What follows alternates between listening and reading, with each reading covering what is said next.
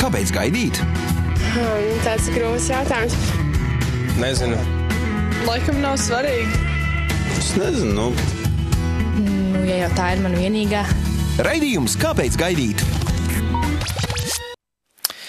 Esiet uh, sveicināti, mīļie radio klausītāji, ar jums uh, atkal raidījums Kāpēc gaidīt, un studijā esmu es Dainis. Um, šodien vēlētos runāt uh, par tēmu, uh, kas, ko varētu nosaukt, uh, kā var izpausties vīrišķība mūsu 21. gadsimtā. Tad kā vīrišķība var izpausties 21. gadsimtā, um, un par šo tēmu tā aizdomājos vienkārši vērojot, kas, kas notiek apkārt, vērojot pats sevi un atkal no jauna runājot par tēmu, man liekas, kas ir labi domāt par vīrieti, atbalstīt un vienalga no vecuma, neatkarīgi no statusa, bet kā būt vīrietim šajā 21. gadsimtā. Tad mēs dzīvojam tādā laikā, kurā um, arvien mazāk un mazāk uh, sabiedrībā uh, grib parādīt atšķirības starp vīrieti un sievieti.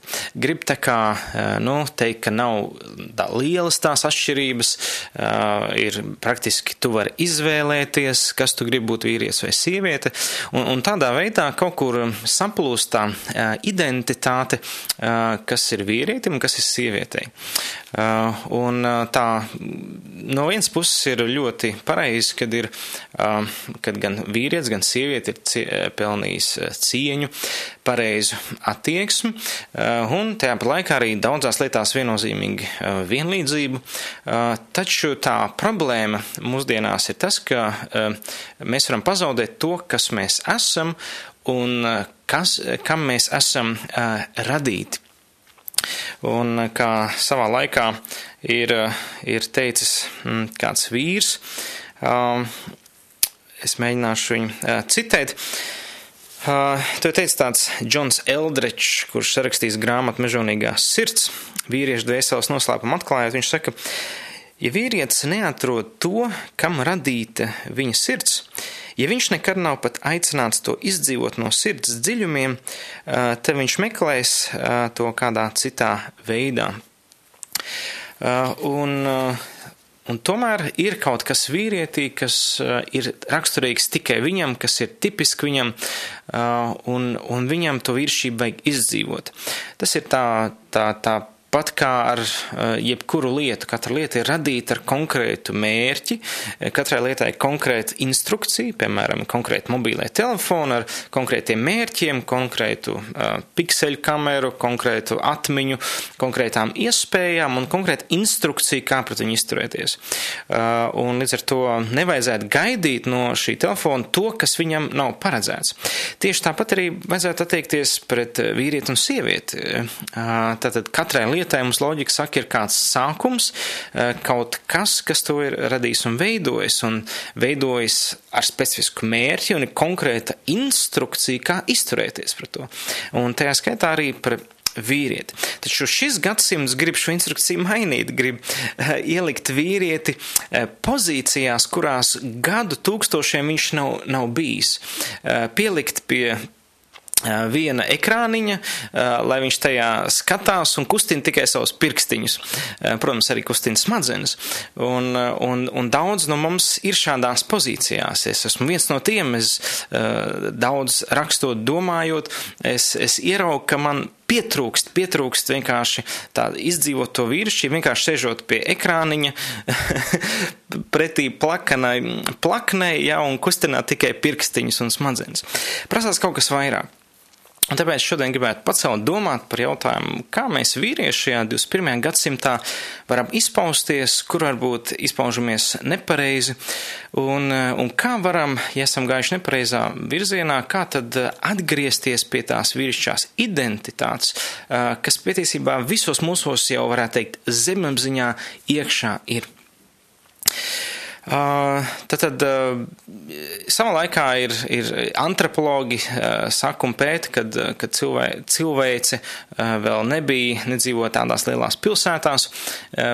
Gadsimtu gaitā vīrieši bija mednieki un, un, un sievietes bija ogu vācējas, jeb sēņu vācējas un tā tālāk. Un ar to no tā vīriešos tāds mednieka instinkts cenšanās dabūt kaut ko un lai medījumu nomedītu, nu, kā tad ir jāsaka, jāsēž klusi, jāgaida, neverbāli savā starpā jāsazinās. Līdz ar to vīrie, vīrietis nav tāds liels runātājs, bet viņš spēja gaidīt uz, uz mērķi. Un, un ar to vīriešiem ir šis mednieku instinkts iegūt, iekarot, un, un, un tas ir gēnos jau no, no bērnības. Um, Mēs ar sieviņu uh, esam uh, jā, pieņēmuši ģimenei māsiņu un brālīti. Un, un es redzu, vēroju, vēroju šo, šo puiku, un var redzēt, ka viņā jau ir, ir šis mednieka instinkts jau dabūt, būt pirmajam, uzvarēt, iegūt, sasniegt. Un liekas, neviens viņam to nav mācījis, tas vienkārši nāk no viņa ārā. Taču uz ko mūsdienās vīrietis ir aicināts medīt? Kas, kas ir šie medījumi? Protams, tas populārākais, kas tiek tendēts, ir, ir, ir, ir sievietes, ir iekarot sievietes, ir iekarot viņu, iegūt priekš sevis. Uh, un, uh, un kaut kur uh, viennozīmīgi šis instinkts ir, bet tā problēma ir tas, ka ja, kad tas ne tikai tiek iegūts, bet viņš tiek nonāvēts un pēc tam izmests ārā. Līdz ar to Precīzi mēs nevarētu teikt, ka vīrietis ir tāds mednieks, bet drīzāk um, kaut kas, ko, kas, kas grib iegūt trofeju, kas grib iegūt kaut ko priekš sevis, ne vienkārši nogalināt. Uh, un līdz ar to vi, ir, vīrietis ir uh, radīts, lai uzvarētu, bet tajā laikā uh, viņš ir uh, paredzēts, lai uzvarētu, lai saglabātu, lai teiksim, nedarītu pāri. Savā laikā ļoti, ļoti daudz vīrieši ir cietuši no tā, ka viņi ir sūtīti armijā. Piemēram, padomu laikā ļoti daudz sūtīja uz Afganistānu. Un tur vienkārši brutāli bieži vien nācās nogalināt cilvēkus, jeb iemest granātu mājā, kurā teikts, ka ir teroristi, bet izrādās tur ir ģimenes ar bērniem. Un, un, un šie vīrieši atbrauc mājās ar psiholoģiski salauzti.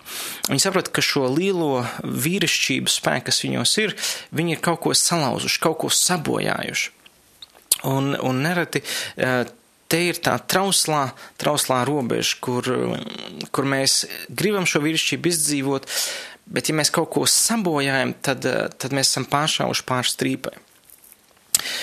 Un uh, tas pats Džons Eldričs savā grāmatā Mežonīgā sirds saka, ir tādas trīs lietas, kas raksturo vīriešu sirdi.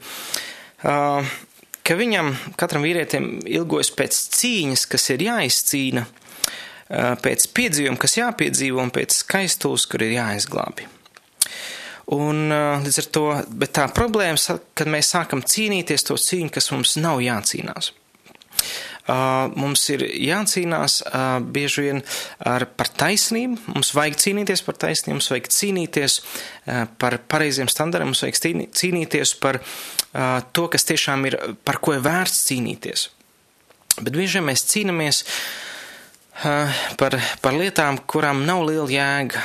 Piemēram, jauni puiši, viņos ir šis cīņas spēks, bet kur viņi laiku pavada dat datorspēlēs, uzvarēt kādā autosacīkstē, uzvarēt kādā sacensībā, uz, teiksim, kādā šaušanas, šaušanas datorspēlēs un, un savā, laik, savā ziņā kaut kādās devās, tas ir labi, interesanti, bet tajā laikā, ja viss dzīve tiek izdzīvota virtuāli, tad tomēr pazūd šī realitātes gandarījums, kad visu dzīvi tik un tā nav izdarījis to, kā sirds ilgojas. Un tas ir tāds, tāds gandarījums surrogāts, kas caur virtuālo pasauli ir Tiešām ir ļoti daudz, mēs varam skatīties YouTube, kur vīrieši izglāb lietas, jeb izdara lietas, bet ja mēs paši to nekad dzīvē nepieredzam un neizdzīvojam, mēs nepiedzīvojam to fantastisko sajūtu, kad, kad mēs izcīnam savu uzvaru.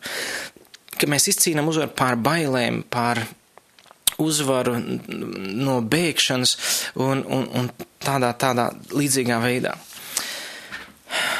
Līdz ar to mūsdienās nav tik viegli šo cīnīšanos iegūt, un līdz ar to sociologi sauc to par, tiek, mēs esam izveidojuši savu simulakru pasauli, jeb pasauli, kurā mēs simulējam savu vīrišķību. Tad tā ir sporta aktivitātes, kas pēc būtības, nu, nekas, nekāda labuma no tā nav, kā tikai varbūt fizisks treniņš. Bet pēc būtības, kas tad notiek? Nu, tad, tad es iesitīšu vairāk bumbu grozā vai, vai vārtos vai, nezinu, ātrāk noskriešu. Nu, kāds reāli pasaulē ir no tā labums? Uh, nu, vienmēr var atrast kādu labumu, bet pēc būtības nekas daudz neizmainās. Kā viens mans draugs saka, kas tad ir futbols? Tas ir tur, kur daudz maksā naudu, lai redzētu, kā 22 miljonāri uh, sit gaisa pūsli četrstūrī. Līdz ar to mēs esam uh, radījuši tādu iluzoru pasauli, ka liekas, mēs sasniedzam kaut ko lielu, mēs iegūstam kaut kādu medaļu, kaut kādu trofeju, bet reāls labums no tā bieži vien ir tikai mums pašiem, mūsu pašu gandarījums.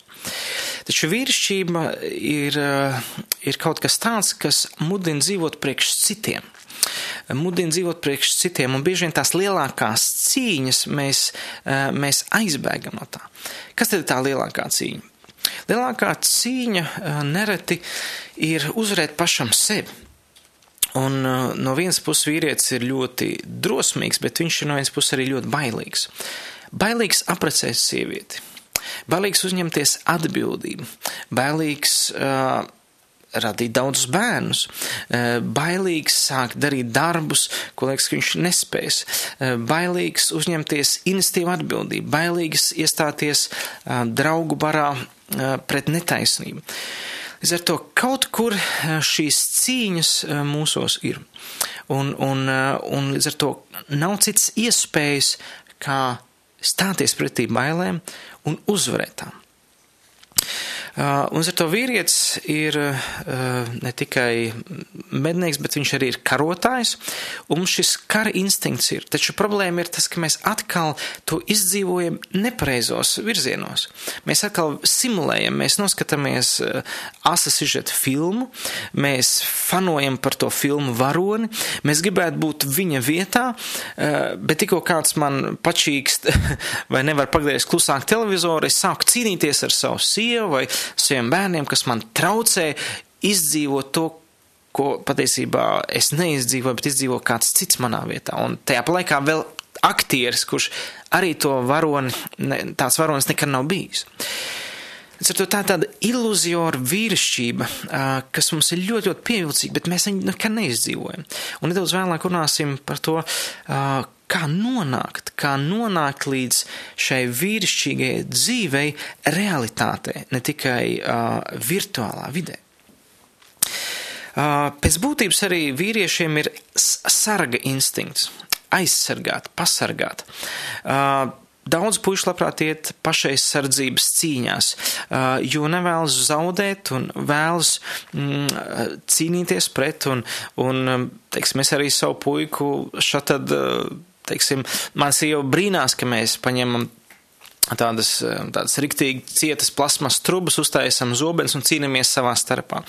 Vai nesen es ieraudzīju tādu instantu instinktu sevī, kad, um, kad mūsdienās saka, nu, nedod bērniem uh, ieročus, lai viņi nekļūst par teroristiem, bet, nu, cik es atceros, es arī labprāt uh, šaudījos bērnībā, man bija paštaisīta šauteni, vai man bija tāds, tāds zobens, un, un man patīk ar to cīnīties, man patīk šī uzvara.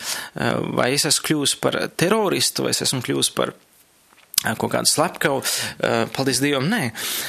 Līdz ar to es domāju, ka kādreiz tāds vēlme pasargāt vīrieti no īpaši bērnībā vai jauniešu gados no asumiem, ir, hmm, varētu teikt, ļoti labs mātišs instinkts, bet tajā laikā tas nav vīrišķīts instinkts. Vīriešu instinkts ir iet līdz maksimālajai robežai, kas ir manā dvēselē. Un tā, kad es aizēju līdz nāves un dzīves briesmām, tad ieslēdzas tas, ko Dievs mūsos ir radījis tā īstā vīrišķība. Tur parādās kaut kas tāds, ko mēs tādos komforta apstākļos nekad neredzēsim. Un, un līdz ar to, līdz ar to ir kādreiz vīrietim prasās aiziet līdz tādām, nu, briesmām, baiļu briesmām. Katram šī baiļu pakāpe ir sava, bet sastapšanās ar bailēm ir kārtējā iespēja vīrišķi parādīt un demonstrēt.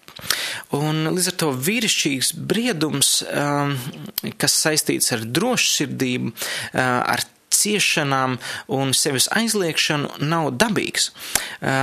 Tas tiek attīstīts dzīves laikā. Tas tiek attīstīts caur situācijām, kad vajag pieņemt drosmīgu lēmumu, kad vajag iziet cauri ciešanām, kad vajag sev aizliegt. Un, un no tā veidojas raksturs. Tātad tas nav kaut kas, kas ir dabīgi, jo katram puikam ir bail no kādām lietām. Bet katru reizi, kad viņš to lietu ir pārvērējis, viņš grib jaunu un jaunu un jaunu. Piemēram, tā, kad es šūpoju savu puiku šūpolēs, tad viņš no sākuma negrib tā ļoti augstu, bet tā, kad viņš pašūpojas augstāk, viņš saka, vēl augstāk, vēl augstāk, vēl augstāk. Tas nozīmē, ka vīrietim gribās pārbaudīt savas spējas un, un izmēģināt to, ko viņš nekad nav izmēģinājis.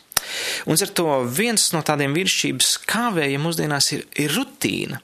Vienveidīgs darbs, vienveidīgas lietas, kur nav nekādas attīstības. Un ar to, man liekas, liela kļūda ir tad, kad um, vecāki savam puikām vai puikām saka, to nedrīkst, to nedari, to nedari, to nedari. Un visu laiku viņu grib ielikt tādā četrās sienās, lai viņš tikai neko neaiztiek, neko neizmēģina, lai nekas nesaplīst, lai mums nav problēma. Bet tad ir jautājums, kā tad viņš var attīstīt sevi, kā tad viņš var kaut kur sevi realizēt. Es, teiksim, savam čekadīgam puikam ļauju kopā ar sevi cēt pelmeņus. Jā, viņš ir kaut kur eļļa iztašķās, kaut kur, teiksim, varbūt apdedzinās vairāk pelmeņu, bet vismaz četros gados viņš jau zina, ko nozīmē cept pelmeņus kopā ar, ar, ar tēti. Un, un es domāju, ka uh, ir vīrietis, vīrietim patīk izaicināt vīrieti, vīrietim patīk redzēt, kas ir otrā iekšā. Un ar to tēva loma uh, ir ļoti līdz ar to svarīga ģimene. Un tieši tur tiek trīts šis jaunais vīrietis. Vīrietim jābūt kopā ar vīrieti, jo sievietei tendence pasargāt, uh, jā, kādreiz arī, protams, izaicināt, bet bieži vien ar, ar uh, nu, tas notiek tādā varbūt pat tādā pārmetošā kādreiz veidā, vai arī nepareizi, ja sieviete nav redzējusi, nav piedzīvojusi tādu pozitīvu uh, vīrišķīgu piemēru. Un, un, un katram vīrietim ir ļoti vajadzīga laba mamma un laba sieva vai draudzene vai māsas, taču viņam ir vajadzīgs iedrošinājums un pozitīvs izaicinājums, ko viņš var sasniegt. Un ja viņš sasniedz, ir vajadzīga uzslava, ja viņš, ja viņa nesanāk, viņam vajadzīgs iedrošinājums mēģināt vēlreiz. Taču kas notiek mūsdienās ar, ar šo vīrišķības uzslavēšanu? Nu, piemēram, mēs varam paskatīties multfilmās. Ir eh, viena no populārām multenēm ir Simpsoni. Eh, Simpsoni tātad tur ir eh, ģimenes tēvs, kurš ir savā veidā, nu, tāds padumš, ar noēdies ar lielu vēderu, un katrā gadījumā tāds neveiksmnieks, kuram neiet pa dzīvi. Vai arī, teiksim, ir otra multinīte, cūciņa Pepa. Jā, pats jau pēc būtības sūciņas skatīties ir jau interesanti, bet, bet, bet tur ir arī noēdies liela resna eh, izmēra tētis, kurš visu laiku neveiksmīgi cenšas kaut ko izdarīt. Vai nu viņš grib eh, uzcert pankūku, viņš uzmet tā, ka pankūka vienīgiem no visiem pie, pie griestiem pielīp, un bērni viņi saka, oi, muļķīgais tētis, vai te viņš muļķīgi cenšas uh, parādīt, ka viņš zina visu pa laika apstākļiem, iziet ārā un viņš tur salīst, vai viņš brauc ar riteni un, un grib nodzīt svaru un iekrīt dīķi. Dažādas neveiksmes, un, un viss, kas ir ai muļķīgais tētis, ai muļķīgais tētis. Un tādā veidā šī vīrieša identitāte nevis tiek iedrošināta, mēģināt vēlreiz, bet patiesībā norakstīta. Norakstīta, kad, nu, vīrietis ir tāds pamuļķis, tāds noēdies, tāds, nu, uz kuru liels cerības neielika. Mamma, jā, mamma varētu. Un, un tas nav iedrošinājums mūsu kultūrā būt par vīrieti, um, kurš tiešām iestājas par kaut ko labo. Tikko vīrietis sāk iziet protestēt, viņu, viņu, viņu noraksta par, ka viņš ir nemiera cēlājs, vai tikko viņš pasaka, ka tā darīt nedrīkst, viņu sauc par, nezinu, cilvēktiesību pārkāpēju, vai tikko viņš stingrāk grib savu bērnu audzināt, viņam apārmet vardarbību, un, un, un ar to šī vīrišķības izpausme nu, kaut kur visu laiku tiek apslāpēta, visu laiku tiek kaut kur ielikta tādos rāmjos, lai, nu, kā saka, lai būtu vairāk miera, vairāk komforta. Un ar to, kas notiek vīrieti, viņam vajag kaut kur izpausties. Es ar to lūdzu te piedāvājums. Asas izžet filmas, grib iekarot skaistuli, negrib uzņemties viņas atbildību. Tur ir uh, pornogrāfija, tur ir uh, vieglas uh, uzvedības sievietes. Jā, tev, tev negribas Tu gribas kādā ieguldīt, nu, aizēji, nu, noziedo naudiņu, kungs, eh, kādam, lai tevi pasaka paldies, kungs, ka tu tā dari, un, un, bet, bet tā vīrišķība izpaužās situācijās, kad ir uz salūšanas robežas, un līdz ar to laulība ir ļoti milzīgs izaicinājums vīrietim. Tas ir milzīgs stress, bet tas ir arī milzīgs potenciāls vīrietim pieaugt. Milzīgs briedums, kur ir jāuzņemas atbildība, kur ir jārisina konflikti, kur ir jāpacieš daudzas lietas, gan saistībā ar, ar saimniecību, gan ar bērniem. Tie ir izaicinājumi, izaicinājumi, kas norūda vīrieti. Taču vidējais vecums mūsdienās, kad vīrietis precās, ir 30 gadi. Tas nozīmē, ka 30 gadus principā viņam ir iespēja audzināt savu egoismu, uh, jā, varbūt veidot karjeru un cīnīties tur, bet tajā pat laikā nav šīs cilvēciskās attiecības, kur tu esi ievilkts jūgā ar citiem. Un ar to vīrišķība neveidojas sēžot pie datora bieži vien, vai sēžot pie kādiem projektiem, vai sēžot pie eh, lāpstas, vai, vai pie kādām lietām. Vīrišķība patiesībā veidojas attiecībās. Attiecībās, kurās uh, tiek veidot šis norildījums. Kā es atbildēšu, eh, kā es pamatošu savu viedokli, vai es spēšu izturēt spiedienu, kā es pierādīšu savu spēku. Un, un ar to, ja vīrietis neiziet šo ceļu, viņš bēg virtuālajā vidē, iluzorajā pasaulē, un nekad līdz reālajai dzīvē nenonāk. Līdz ar to vīrišķībai ir tie paši izaicinājumi uh, un uh, līdzīgi izaicinājumi, kā tas bijis daudziem tūkstošu gadu, tikai ar citādāku veidu. Viņi ir tādi uh, apslēptāki, viņi var būt vairāk intelektuāli, racionāli. No vīrieši prasa šodien ne tik daudz fizisku spēku, cik racionālu prātu. Uh, un ir ļoti, ļoti grūti vīrietim, kurā visu laiku ir jāsako līdz informācijai, visu laiku ir jāsako līdz likumiem, uh, noturēt to stresu un spriedzi. Jo, um, jo vīrietim ir dabīgāk kaut ko ņemt ar savām rokām un darīt. Um, līdz ar to vīrietis ir arī um, tāds, kurš, um, kuram prasās uh, tādu projektu, varētu teikt, domāšanu. Un, un mēs dzīvojam laikā, kur ir dažādas programmas, ir dažādi um, nu, mērķi vai ir, ir, ir kaut kādas tādas ilgtermiņa lietas, kas ir ļoti, ļoti grūti bieži vīrietim iesaistīties. Un vīrietim, pieņemsim, grūti ieraudzīt, ka, ka laulība var būt kā projekts. Liekas, ka tas ir uz mūžu, tā ir smaga nasta, nu, kā, nu, un, un vīrietim šīs beztermiņa, ilgtermiņa, bezmērķīgā dzīvošana nav dabīga. Viņam prasās pēc projekta. Taču, un tāpēc ir labi, ka vīrietis iemācās šajā gadsimtā arī dzīvot projektveidīgi. Piemēram, ir tāda grāmata, um, neatceros precīzi autoru, uh, baidos samelot, bet grāmata saucās uh, Viņa mani sauc par tēti. Un tur ir rakstīts, ka bērnu audzināšana, meitas audzināšana var būt kā projekts. Tātad vīrietim, piemēram, piedzimst meita, un viņa uzdevums un mērķis ir sagatavot šo meitu priekš nākamā, vi, vi, priekš vīra, topošā un, un ģimenes. Tātad maksimāli viņu pasargāt no visiem svešiem puišiem pasargāt viņu no netiklības, pasargāt viņu no tā, ka viņai ir zems pašvērtējums vai sajūta, ka viņa nav skaista, jo viņi un sievietē ir, ir gribas būt apbrīnotē.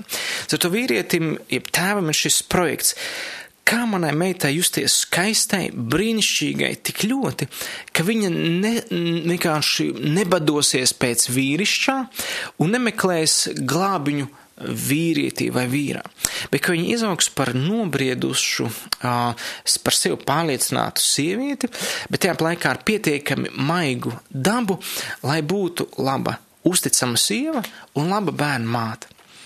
Arī attiecībā uz dēliem tieši tas pats, ka tēva uzdevums ir izaudzināt šo puisi, ka viņš spēj uzņemties atbildību savā laikā, ka viņš var ieņemt lomu savā ģimenē, ka viņš spēj nodrošināt, ka viņš tiek apmācīts kādā konkrētā amatā, profesijā, ka viņam ir pietiekami stiprs pašvērtējums, gribas spēks tiek veidots, disciplīna, lai varētu saņemties un izdarīt uh, lietas, kas vīrietim jāizdara.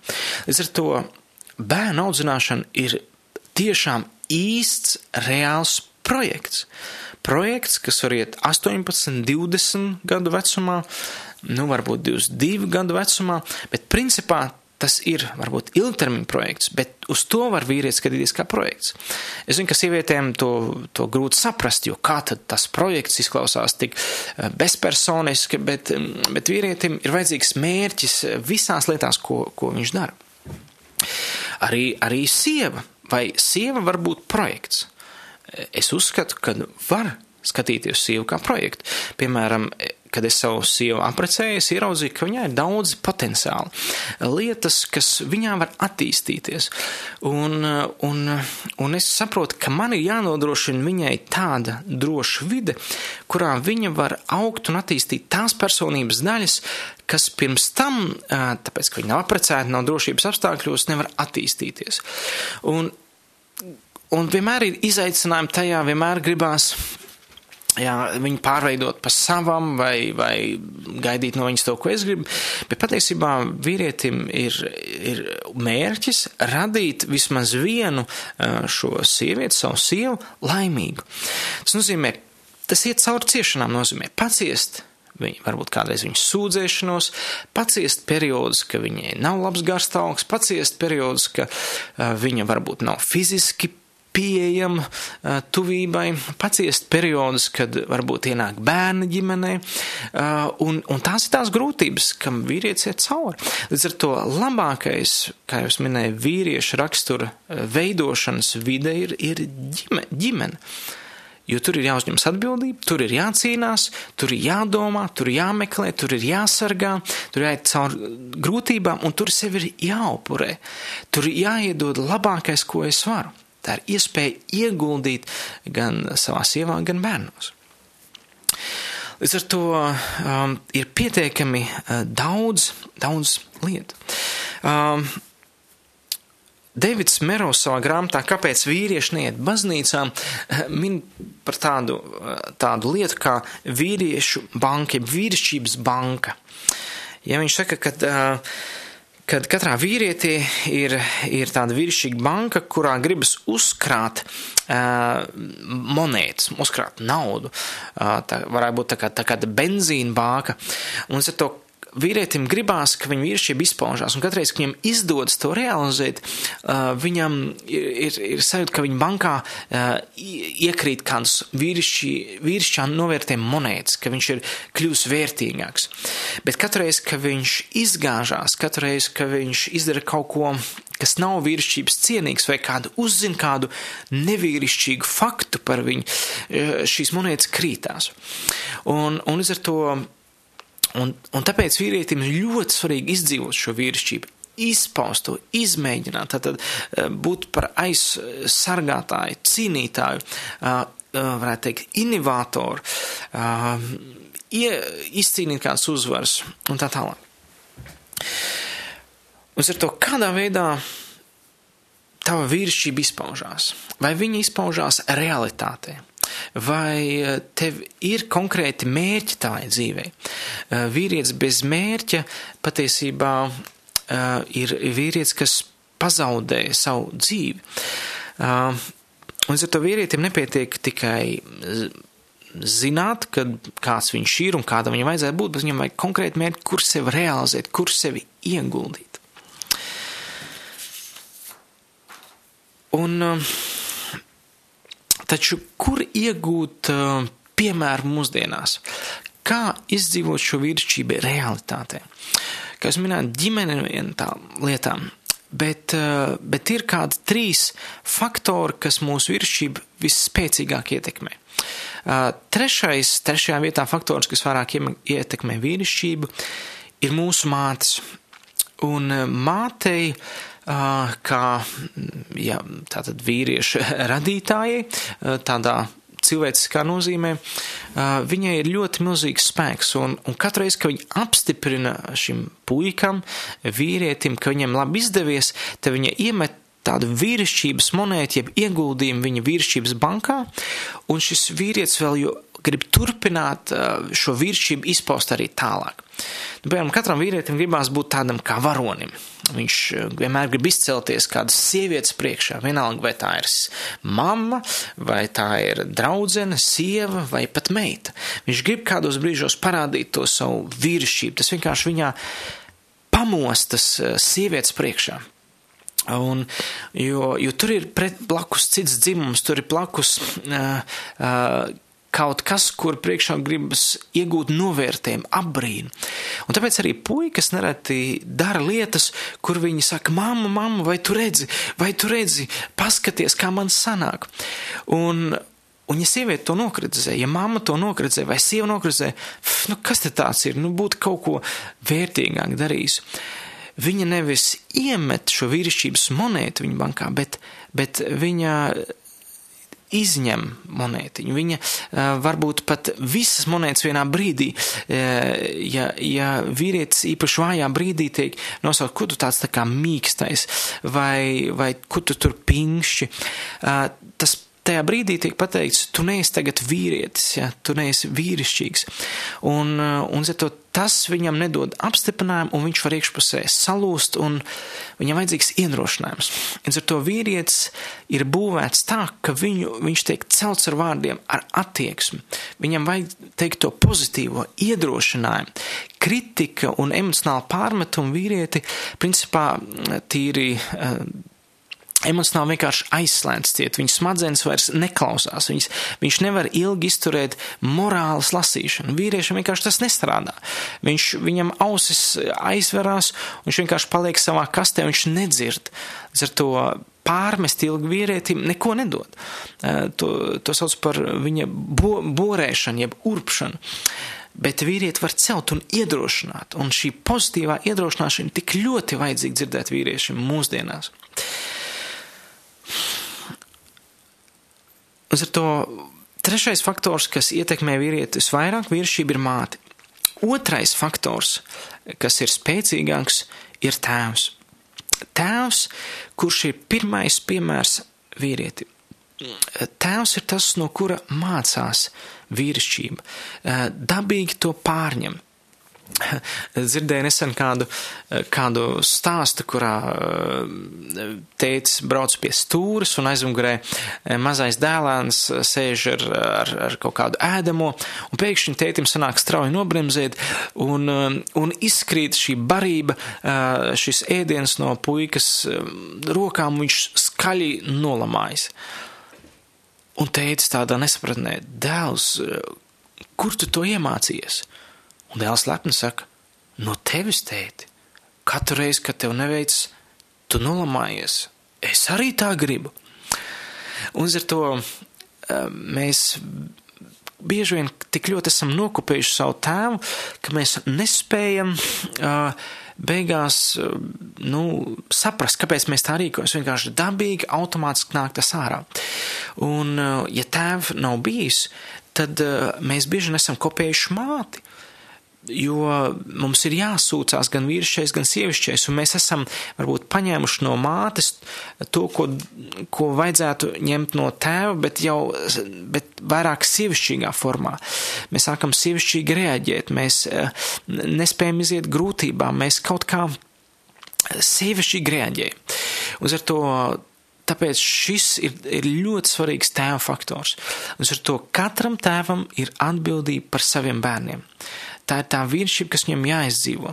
Un vīrietis, ja viņš nav tēvs, uh, viņš var uzņemties atbildību par kādu, ieguldīt kādā cilvēkā, ieguldīt kādā bērnā. Nevis vienkārši nopirkt kādu mantiņu, bet reāli pavadīt laiku, būt kopā, runāties, atbalstīt. Tas ir tik ļoti, ļoti svarīgi.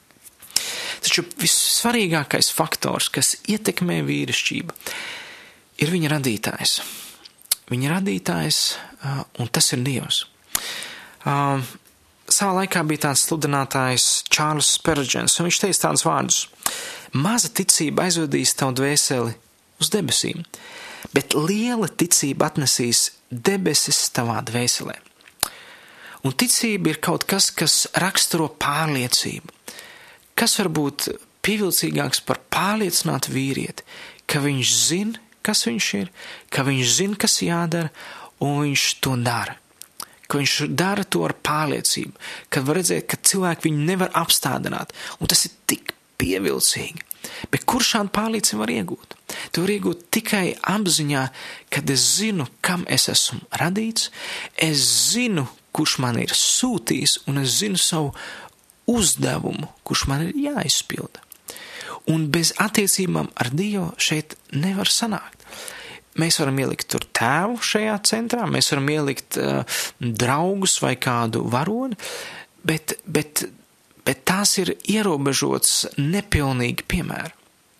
Vispilnīgākais virsības piemērs ir atrodams uh, kādās liecībās par personību, kas dzīvoja 2000 gadus atpakaļ, kas atnāca ar skandalozu vēsti, ar radikālu vēsti, kas sacēla visu kultūru, visu tā laika sabiedrību pilnīgi kājām gaisā, un joprojām viņš to dara. Tā ir personība, kas nebaidījās teikt patiesību acīs cilvēkiem, kas gat, bija gatavi viņu nogalināt. Tā bija personība, tas bija um, vīrišķības iemiesojums. Uh, pagriezt vaigu tam, kas sit. Viņ, viņā bija tāda viršības deva, ka viņš gāja par taisnību līdz nāvei, kurš bija gatavs sevi upurēt pilnībā, kurš bija gatavs paciest pātagu sitienus ar asiem gabaliem līdz asinim nosņot, lai izdarītu to, ko Dievs no viņa prasa. Un tas ir Jēzus Kristus kas izdzīvoja savu dzīvi simtprocentīgi kā vīrietis, simtprocentīgās vīrieša ķermenī, un simtprocentīgi parādīdams, kādam jābūt eh, vīrietim un attiecībā ar Dievu. Un viņš ir ne tikai piemērs, bet viņš ir arī tas, kurš piedāvā uh, savu atbalstu un palīdzību. Un Dieva vārds saka, kas pieņem, kas tic, kas sāk apbrīnot šo Jēzu Kristu, kas uzticās viņam, ka viņš ir tas, kurš mūsu sabojotā vīrišķību izpērk ar, ar savu uh, spēku, ar savu raksturu, ka viņš nomirst par cilvēks grēkiem, par katru vīrieti viņš atdod savu dzīvību, lai būtu par paraugu piemēru un par vadītāju. Tad viņš, šis Jēzus Kristus, apsolīja, ka es jums sūtīšu citu aizstāvi, es jūt, sūtīšu savu svēto garu, kas jūs vadīs visā patiesībā. Un es neesmu redzējis radikālāku, virsšķīgāku personību kā cilvēku, kurš uh, ir svētā gara pilns, uh, caur kuru Dievs darbojās. Un varbūt tu šodien klausies šo raidījumu. Varbūt tu esi pazaudējis savu vīrišķību, varbūt tu esi aizrāvies ar lietām, kas par tevi ir kauns, tad es tev šodien aicinu. Meklē to, kurš tev radīs. Meklē un, un, un lasi svētajos rakstos par šo virsības iemiesnojumu Jēzu Kristu, kurš gāja pie krusta, kurš nomira par manu tevi, kurš nebaidījās teikt patiesību acīs, bet tajā laikā ar milzīgu žēlstību rūpējās par vājiem, slimajiem, par bāriņiem, par sievietēm, par bērniem. Tas ir piemērs, ko mums jātiecās, un mēs varam to šodien izdzīvot. Pateicoties tam, ka mums ir svētie raksti, mums var būt svētais gars, ja mēs lūdzam, lai Dievs piedod mūsu uh, grēcīgumu un ienāk mūsu dzīvē ar jaunu spēku varu. Tad Viņš tev pārveidos, Viņš būs tev tēva vietā, viņš būs tavs vadītājs un tavs palīgs un atbalsts. Un svētie raksti būs tev par iedrošinājumu katru dienu dzīvot tā, kā tu jūti, gribi un vēlies. Šis bija raidījums, kāpēc gaidīt. Un es novēlu ikvienam vīrietim, kas klausās šo raidījumu, nekautrēties meklēt Dievu, piesaukt viņu un izvēlēties, saprast, kam viņš tev radīs, pieņem šo izaicinājumu, nebeigt no atbildības ģimenē, darbā un sabiedrībā un dzīvot pēc Dieva standartiem. Un tad tu redzēsi, ka vīrišķība, kas tev apslēpta, izpaudīsies realitātē un ne tikai ilūzijās. Ar jums bija kopā Dainis Alavakar. Šis bija raidījums Kāpēc gaidīt? Klausies to katru otrdienu, pulksten 18,5 minūtēs Latvijas kristīgā radio ēterā vai arī jebkurā tevērtā laikā internetā www.īsta mīlestība gaida LV.